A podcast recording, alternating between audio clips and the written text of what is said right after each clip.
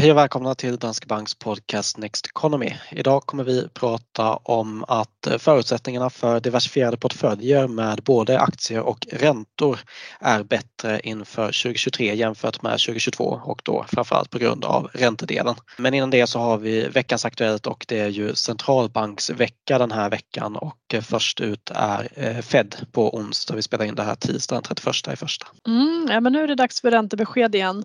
Årets första och eh, vi får ju bland annat då för Fed på onsdag kväll och sen så följer ju ECB efter på torsdag då. Men förväntansbilden har ju sänkts en del ändå sen i slutet av förra året tack vare att inflationssiffrorna kommit in lite lägre än förväntat. Så både vi och prissättningen på räntemarknaden väntar sig en höjning på 0,25 procent i USA på onsdag kväll. Och eh, efter det då så väntar vi oss att man höjer ytterligare två gånger 0,25 så att slutpunkten för styrräntan är fortfarande drygt 5% men att man nu kommer gå ner då ytterligare ett snäpp i takten som man höjer räntan med. Eh, och nästa mötena är i mars och maj, stämmer det? Mm. Precis, det stämmer bra det. Så att, att räntan når 5 till 5,25 procent i maj och sen så tror ju vi att den kommer ligga kvar där hela eh, 2023 ut. Då det skiljer sig också lite grann från prissättningen på marknaden. Tittar man på räntemarknaden så väntar man sig att räntan nu då toppar strax under 5 procent i sommar och sen att Fed ska hinna sänka räntan två gånger innan hösten så att, att den återigen då ska ha kommit ner en bit innan det här året är slut. Men vi får väl se hur det blir med den saken. Jag tror att både utvecklingen på arbetsmarknaden, hur lönerna utvecklas och eh, vad som händer med inflation och inflationsförväntningar kommer ju vara väldigt, väldigt viktigt då. Mm, för det är väl ändå det som har varit positivt. Dels har ju inflationen kommit ner men sen eh, det som är eh, det stora problemet fortfarande är ju löneinflationen. Och eh, man vill ju inte sluta strama åt före man känner att man har fått bukt med den här löneinflationen för det är den som kan, kan eh, stanna kvar på höga nivåer och göra då att inflationen håller sig kvar på höga nivåer också så det vill man klart undvika. Ja men det vill man. Det som är positivt då det är att även om man tittar på om man tittar på löneökningarna i årstakt så ligger de ju fortfarande över 4,5 procent. Men däremot om man tittar på månadstakten också så har ju den minskat. Och den har minskat både för löneökningarna och vad gäller inflationen. Och saker och ting kan ju faktiskt hända ganska snabbt på marknaden när det väl påbörjas. Så att förhoppningsvis får man väl ändå säga så är det här början på en trend då att vi får se betydligt lägre ökningar i både priser och eh, löner. Men bara det faktum nu att vi börjar närma oss toppen på styrräntan och sen om den blir 5 eller 5,25 eller 5,5 det återstår ju att se. Men vi har lagt majoriteten av räntehöjningarna bakom oss och den här tiden när centralbankerna kraftigt skjuter upp prognosen för hur hög räntan ska bli hela tiden. Den tror vi ändå ligger bakom oss och det tar ju bort en del osäkerhet kring penningpolitiken.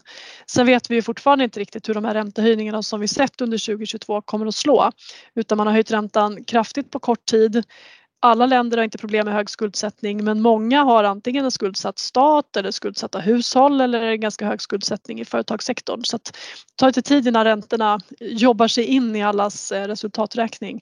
Mm. Men eh, vi, vi tror väl att man kanske gradvis kommer se mer och mer eh, effekter av det här då. Ja, och det där är i alla fall positivt då att man får bort en osäkerhet. Alltså marknaden ogillar ju osäkerhet så kan man få bort den här osäkerheten kring hur snabbt och hur mycket eh, centralbankerna kommer höja så är det ju bra. Men då kvarstår ju klart den där osäkerheten med vad effekterna blir i och med att eh, effekterna kommer med en viss fördröjning. Så det återstår att se. Eh, vi har ju ett räntebesked från Riksbanken så småningom också den 9 februari och det får ju effekt för oss här i Sverige både för ja, oss som eh, vanliga privatpersoner och konsumenter i och med att vi får högre räntor på våra bolån och sådär. Men även kan det påverka börsen även om det bästa borde vara inprisat här också. Ja, börsmässigt så gör det ju kanske inte sådär jättestor skillnad utan då blir det viktigare vad, vad Fed och eh, den europeiska centralbanken ECB hittar på då. Och då får vi ju se vad ECB gör nu på torsdag men det mesta talar för att man kommer höja med 0,5 procent. Det var vad man flaggade för vid mötet i december och Christine Lagarde tryckte väldigt hårt på att man ska höja troligtvis två gånger eh, 0,5 procent och kanske mer än så. Och ju mer ECB höjer desto mer ökar ju trycket på Riksbanken att hänga på för att gör man inte det och ränteskillnaden mellan Sverige och Europa ökar då tenderar det att göra att kronan blir ännu svagare. Och då blir det dyrt för oss eller ännu dyrare att importera varor. Vi får ännu mindre för våra pengar och det gör att inflationen ökar. Så att för svensk del så har vi haft en en eh, ganska rejält mycket högre inflation här senaste eh, gången vi fick inflationssiffror än vad vi hade i Europa. Då. Så att det där kommer bli viktigt och vi får se vad Riksbanken gör då eh, om man hänger på en höjning på 0,5 procent här den 9 februari.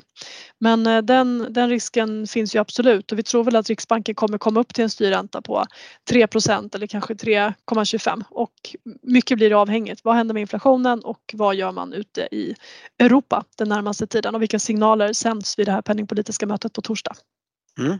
Bra, vi har fått in en fråga den här veckan också. Det är bra för då kan vi ta en ny veckans fråga. Ni får gärna skicka in fler sådana. Det gör ni via frågeformuläret i avsnittsbeskrivningen. Så tar vi upp det här i podden och eh, den här veckan har vi då vad betyder det för världsekonomin att Kina öppnar upp? Och Eh, ja, Kina har ju varit eh, ganska så nedstängt under stora delar av eh, 2022 och det har ju såklart varit negativt för tillväxten och även för börsen men sen i oktober ungefär där någonstans så har man ju faktiskt börjat öppna upp ekonomin. Vi hade ju stora demonstrationer i Kina i oktober och eh, man har väl bara insett också från regeringens sida att omikronvarianten är kanske inte så, ja, man helt enkelt kände att det var dags att öppna upp eh, med tanke på att det är en ganska mild variant av coronaviruset. coronavirus. Ja, och lite oväntat kanske det ändå var att man öppnade upp så pass hastigt och med så liten kommunikation kring vad man gjorde. Någonstans så har ju alla spekulationer gått i riktning att Kina gradvis kommer börja lätta på vissa restriktioner och att det där kommer vara en process. Men från att man gjorde vissa förändringar så har det ju gått väldigt fort till att man släppt på, på mycket, mycket restriktioner. Då. Men det här får ju flera konsekvenser. Eh, jag tänker att ehm, det ena är ju att tillväxten såväl i Kina som i andra delar av världen faktiskt får stöd av den här uppdämda efterfrågan som man ändå kan tänka sig efter att konsumenterna har antingen suttit inlåsta eller varit rädda för att röra sig ute av rädsla för att hamna i närheten av någon annan som haft covid och då stängas in eh, bara av, den, av det skälet. Då. Men Kina är ju världens näst största ekonomi och eh, man är en stor eh, handelspartner till inte minst europeiska företag. Många svenska bolag också också stora eh, både tillverkning och fabriker i Kina men också exportera varor dit. Så det är klart att det är positivt om ehm, Kina går från att ha haft en väldigt, väldigt låg tillväxt under 2022 till att ändå accelerera ganska kraftigt under eh, 2023. Eh, så det är den ena delen. Men sen så måste man ju eh, fundera på vad det kan få för konsekvenser mer. För Kina är ju också världens största konsument av råvaror. Så att man konsumerar väldigt mycket metaller, koppar till exempel och även energi både i form av olja och gas. Så att när Kina då ska börja dra igång hela sin industri igen och eh, producera varor så gör det att efterfrågan på de här råvarorna ökar och då finns ju risk att priserna stiger igen. Och vad händer då? Jo, stiger priset på världsmarknaden på sådana här typer av insatsvaror påverkar det också europeiska bolag och amerikanska bolag. Så att eh, det finns ju risk att det här ger en, en ny inflationsimpuls och kanske framförallt för europeisk industri då. Mm.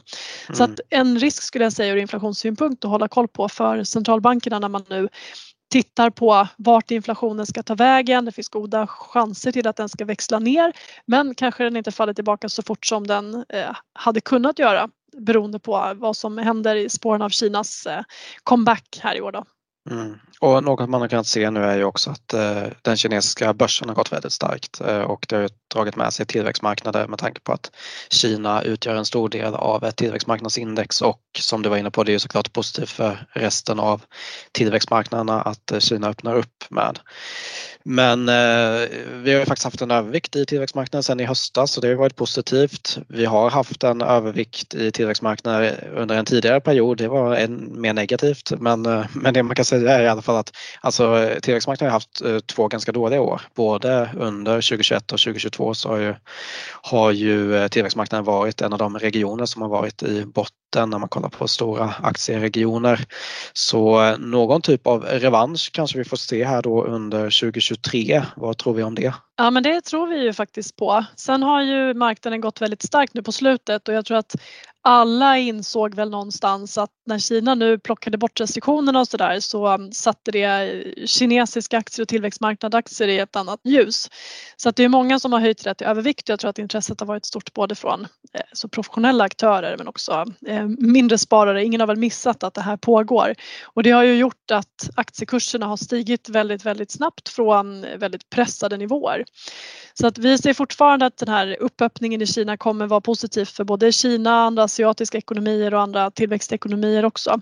Men det är klart att det fortfarande finns eh, risker för bakslag. Vi vet inte riktigt hur stor den här uppdämda efterfrågan är och eh, det är ju inte bara det som har hänt kopplat till covid-19 som har tyngt kinesiska aktier utan vi har också haft hög politisk risk med regleringar av tekniksektorn och en del saker som har hänt som har gjort att investerare har eh, skrämts. Men vi, vi hoppas på en revansch för tillväxtmarknadsaktier och vi, vi tror att 2023 kan bli ett år då eh, tillväxtmarknader går bättre än utvecklade marknader, åtminstone under första halvåret. Bra, vi ska gå vidare till ämnet för dagen som ju handlar om förutsättningarna för balanserade portföljer, alltså portföljer med både aktier och räntor.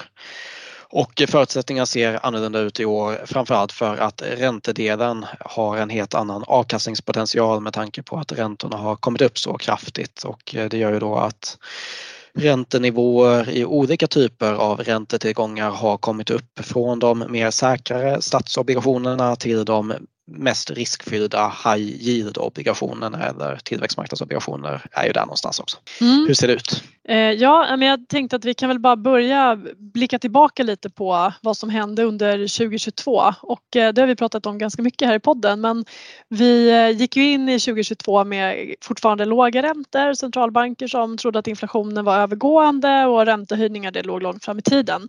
Sen vet vi alla hur det gick. Vi fick en global U-sväng i penningpolitiken och räntorna höjdes väldigt kraftigt. Marknadsräntorna steg i takt med detta då. Så att det här eh, ledde ju dels till att eh, aktiemarknaden skrämdes och börserna föll i perioder men också då att obligationer som sjunker i värde när räntorna stiger gav en negativ avkastning. Och det är ganska ovanligt att både aktier och räntor faller samtidigt och faktum är att det bara hänt vid ett fåtal tillfällen om man går tillbaka till 1990. Men under fjolåret så, eh, så skedde det här då.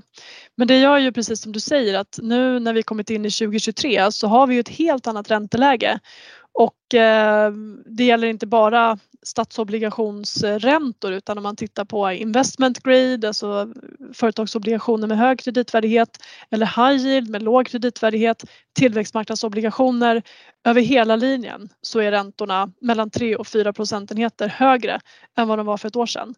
Och det här speglas ju också då i den förväntade avkastningen som också kommer upp betydligt. Sen är det klart att det finns risker kopplade till obligationer, till exempel om vi skulle få se eh, räntorna fortsätta stiga i år. Vi tror inte att de kommer göra det, eh, men det är den största risken eh, för det här då, i alla fall om man tittar på statsobligationer. Men ändå en, en betydligt mer eh, attraktiv eh, utsikt för obligationer generellt tack vare detta. Mm.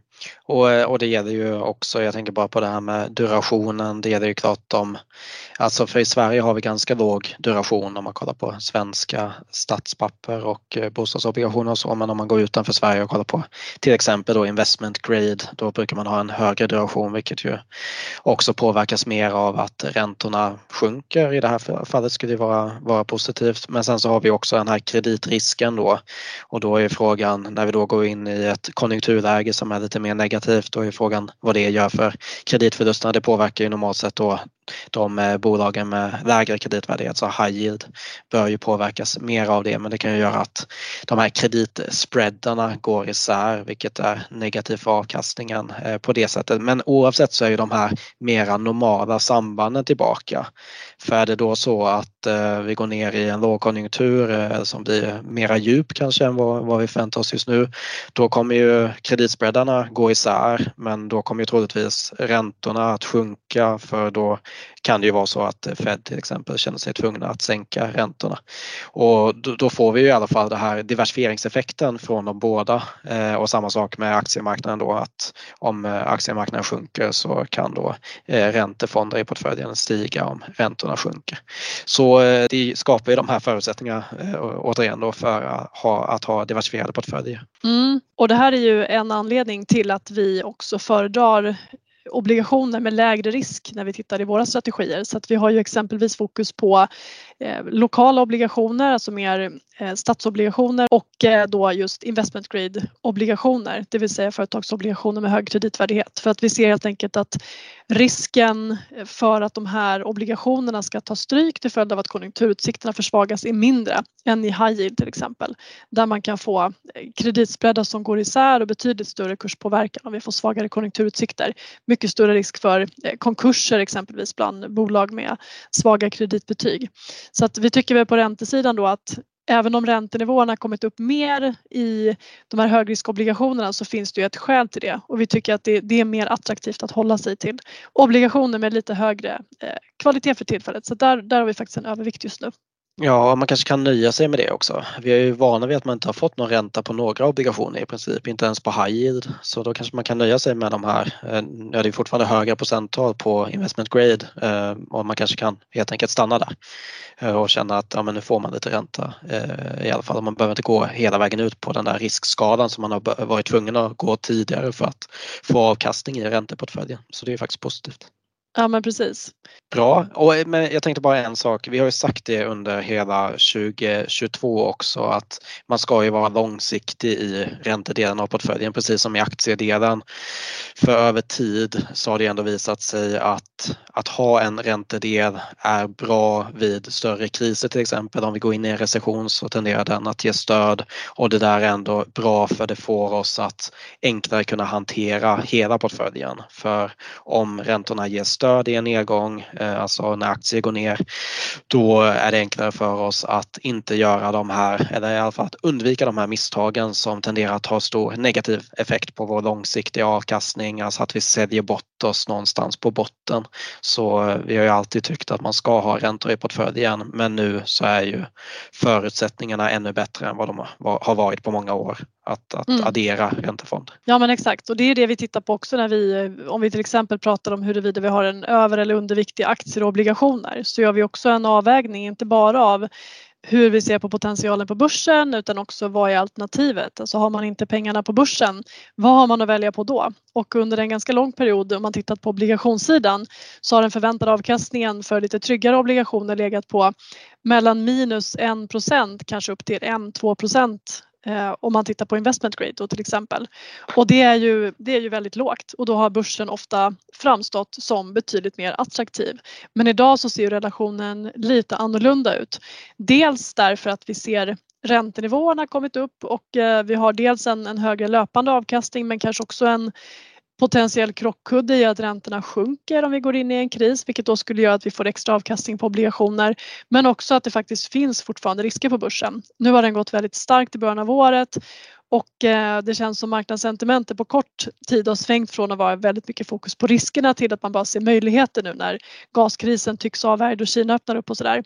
Men faktum kvarstår ju om vi kopplar tillbaks till det vi började prata om att penningpolitiken har stramats åt väldigt, väldigt mycket på kort tid och vi har nog inte sett de fulla konsekvenserna av hur det här kommer påverka husmarknad, eh, arbetsmarknad, eh, lönsamhet i bolagen och, och hur, för, hur konsumenterna kommer kunna spendera eller inte spendera pengar framöver.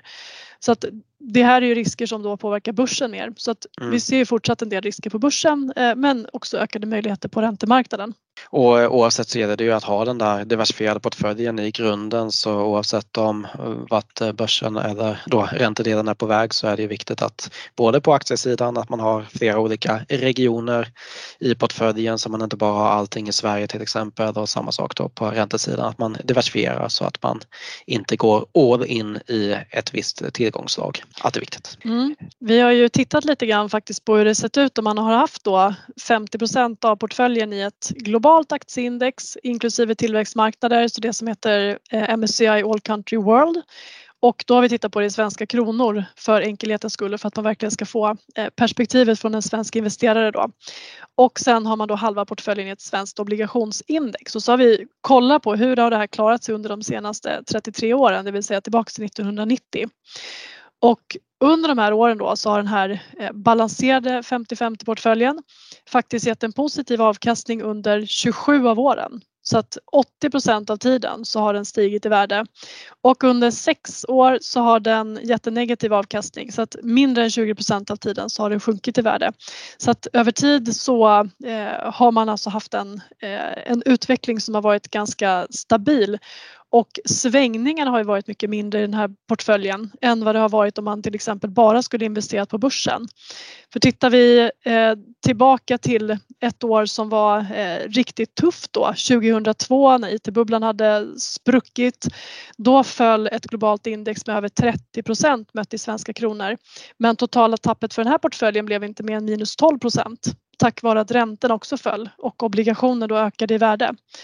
Så att den, det här har funkat väldigt väl och det tappet på minus 12 procent det är faktiskt det största tappet man fått under hela den här eh, perioden då på 33 mm. år. Ja och, och om man bara kollar på det här MSCI AC World och alltså All Countries World Index i SEK så kan man se att under ett år som 2011 som man kanske ändå minns som ett ganska dåligt börsår eh, med tanke på eurokrisen där. Eh, då klarade ju faktiskt den där balanserade eller 50-50 portföljen, den klarade ju den nedgången så den slutade på, på, eh, på plus medan ett världsindex gick ner eh, 7% i året. Så eh, det säger ju ändå någonting om fördelen med att diversifiera. Man slipper de här djupa nedgångarna och man kan få en jämnare eh, resa över tid. Och vi kan väl bara också säga då att om man tittar på genomsnittliga avkastningen under den här perioden så har ju den här 50-50 portföljen avkastat 8% per år i snitt Eh, över längre tidsperioder så kanske börsen har gett 8-10 procent. Men då som sagt till betydligt lägre svängningar när man har haft en, en väldiversifierad diversifierad portfölj. Så att ehm, man ska inte på något sätt ehm, eh, tycka att det här känns för tråkigt utan faktum är att det verkligen har bidragit till en stabilare avkastning över tid, mer lugn och ro i sinnet, god nattsömn och en stabil värdeutveckling. Bra, vi ska avrunda det här med att Eh, gå vidare till veckans tankefel som den här veckan är förlustaversion och eh, det handlar ju om att den obehagliga känslan av en förlust är ungefär dubbelt så stor som den positiva känslan av en vinst. Det är något som Daniel Kahneman och Amos Tversky kom fram till. Och eh, det får ju en del effekter vid investeringar eftersom att vi vill undvika obehagliga känslor och få mer positiva känslor så tenderar vi att sälja när våra investeringar går ner och köpa när de går upp och Eh, det gör ju att vi förlorar pengar över tid. Som vi alla vet i och med att vi har eh, pratat om det här tidigare. Och något annat som förlustaversionen gör är ju att det är enklare att sälja en vinnare som man fortfarande tror på än att sälja en förlustaktie eller förlustfond som man fortfarande tror på. Men det där är inte rationellt. Vi, vi vill alltså gärna behålla förlorare i portföljen. För så länge vi inte säljer kan vi fortfarande få tillbaka pengarna. Så vi behöver inte erkänna misstaget och slipper känna den här smärtan av att förlora. Eh, men då kan det vara värt att påminna sig om att en nedgång kräver en större uppgång. För om man låter förlusten växa mer och mer så blir det svårare och svårare att ta igen den där nedgången. Så en nedgång på 20% kräver en uppgång på 25% en nedgång på 30% kräver en uppgång på 43 till exempel. Och en vanlig tendens här är att man gärna vill vinna tillbaka pengarna i samma investering. Men om man vill få tillbaka en nedgång på då till exempel 30% så ska man försöka hitta den aktie eller fond som har bäst förutsättningar att gå upp med 43 och det behöver inte vara samma. Man behöver inte nödvändigtvis vinna tillbaka i exakt samma investering som man hade. Och en enkel lösning då för att hantera förlustaversion det är att ha en diversifierad portfölj. För det är enklare att göra misstag i enskilda investeringar. En enskild aktie eller fond kan gå ner i värde och aldrig komma tillbaka igen. Men har du en bred portfölj så är det enklare att anta att den kommer komma tillbaka. Jag menar har du en nischad fond så är det inte säkert att den kommer tillbaka igen till exempel. Så det blir alltså enklare att hålla fast vid en bredare portfölj genom nedgången. Så diversifiera för att hantera förlustaversion och i år är ett bra år att börja med en bredare diversifiering där man även inkluderar räntor i portföljen. Det är väl ungefär sammanfattning. Mm, en bra sammanfattning tycker jag. Bra, med det avrundar vi för idag. Ni får som sagt gärna ställa frågor i frågeformuläret i avsnittsbeskrivningen och komma med förslag på nya ämnen. Och eh, så får ni gärna gå in på nexteconomy.se. Det är vår nyhetssajt och där hittar ni både poddar, bloggar och krönikor kopplade till investeringar och eh, även marknadsläget. Nexteconomy.se. Med det så är vi tillbaka om två veckor igen. Vi tackar för den här gången och så hörs vi igen då. Tack och ha en fin vecka.